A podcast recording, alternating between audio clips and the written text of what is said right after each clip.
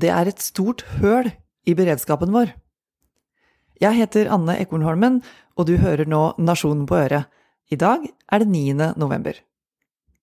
Beredskapsnivået høynes. Regjeringa øker bevilgningene til Forsvaret og Heimevernet.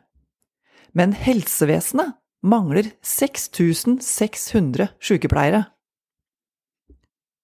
Den alvorlige mangelen på sykepleiere, særlig i nord, er en alvorlig sikkerhetsbrist.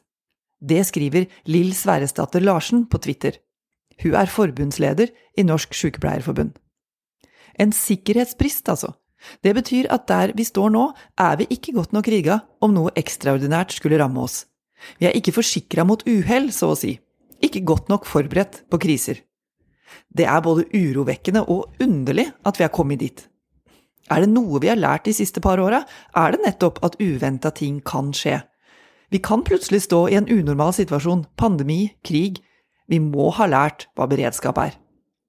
Og derfor styrker regjeringa Forsvaret, styrker det militære, Sivilforsvaret og Heimevernet, ber oss om å lagre ni liter vann per person, knekkebrød, batterilader og hermetikk.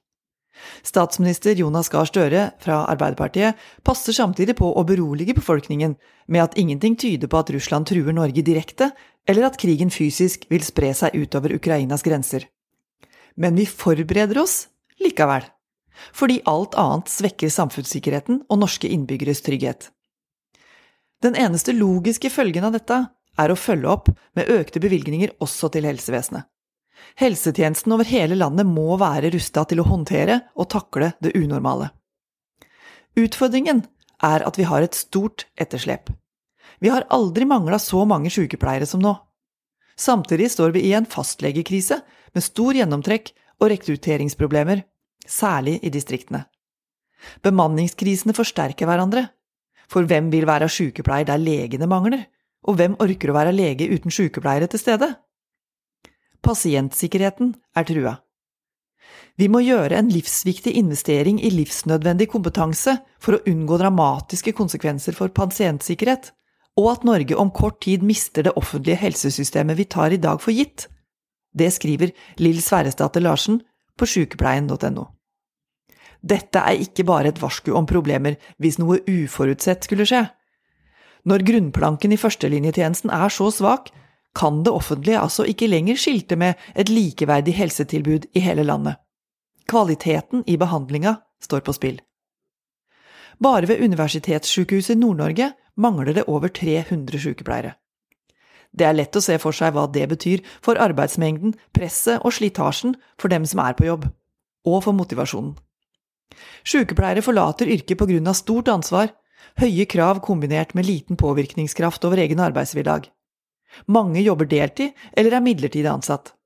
Stor arbeidsbelastning er fysisk og psykisk belastende. Dette kommer fram i en rapport Oslo Economics har laga på oppdrag for Nord universitet. Sju av ti sykepleierledere forteller også i en undersøkelse fra Agenda Kaupang at de har vurdert å slutte. Dette er den onde spiralen som helseminister Ingvild Kjerkol fra Arbeiderpartiet har hovedansvaret for å snu. Første bud er å beholde den kompetansen man har, bl.a. gjennom høyere lønn og flere heltidsstillinger. Mange kommuner melder at sykepleiere er den vanskeligste yrkesgruppa å rekruttere og holde på.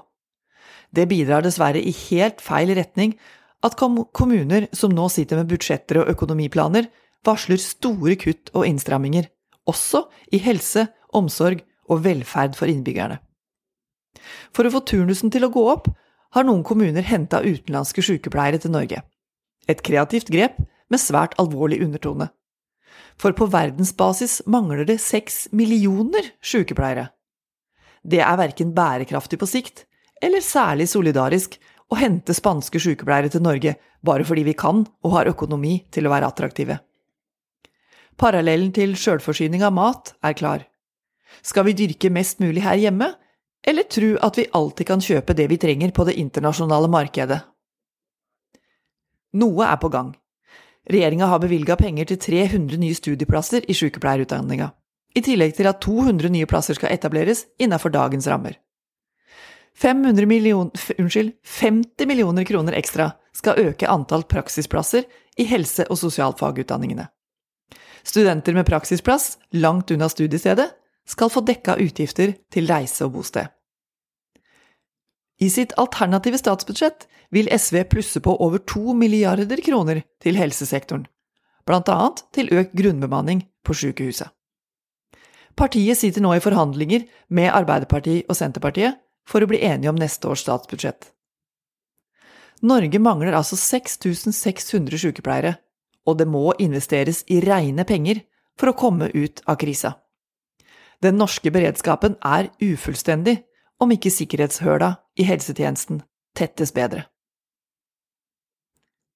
Dette her er Nasjonen på øret, og hvis du vil høre flere kommentarer, finner du dem på nasjonen.no, eller der du hører podkast. Vi høres!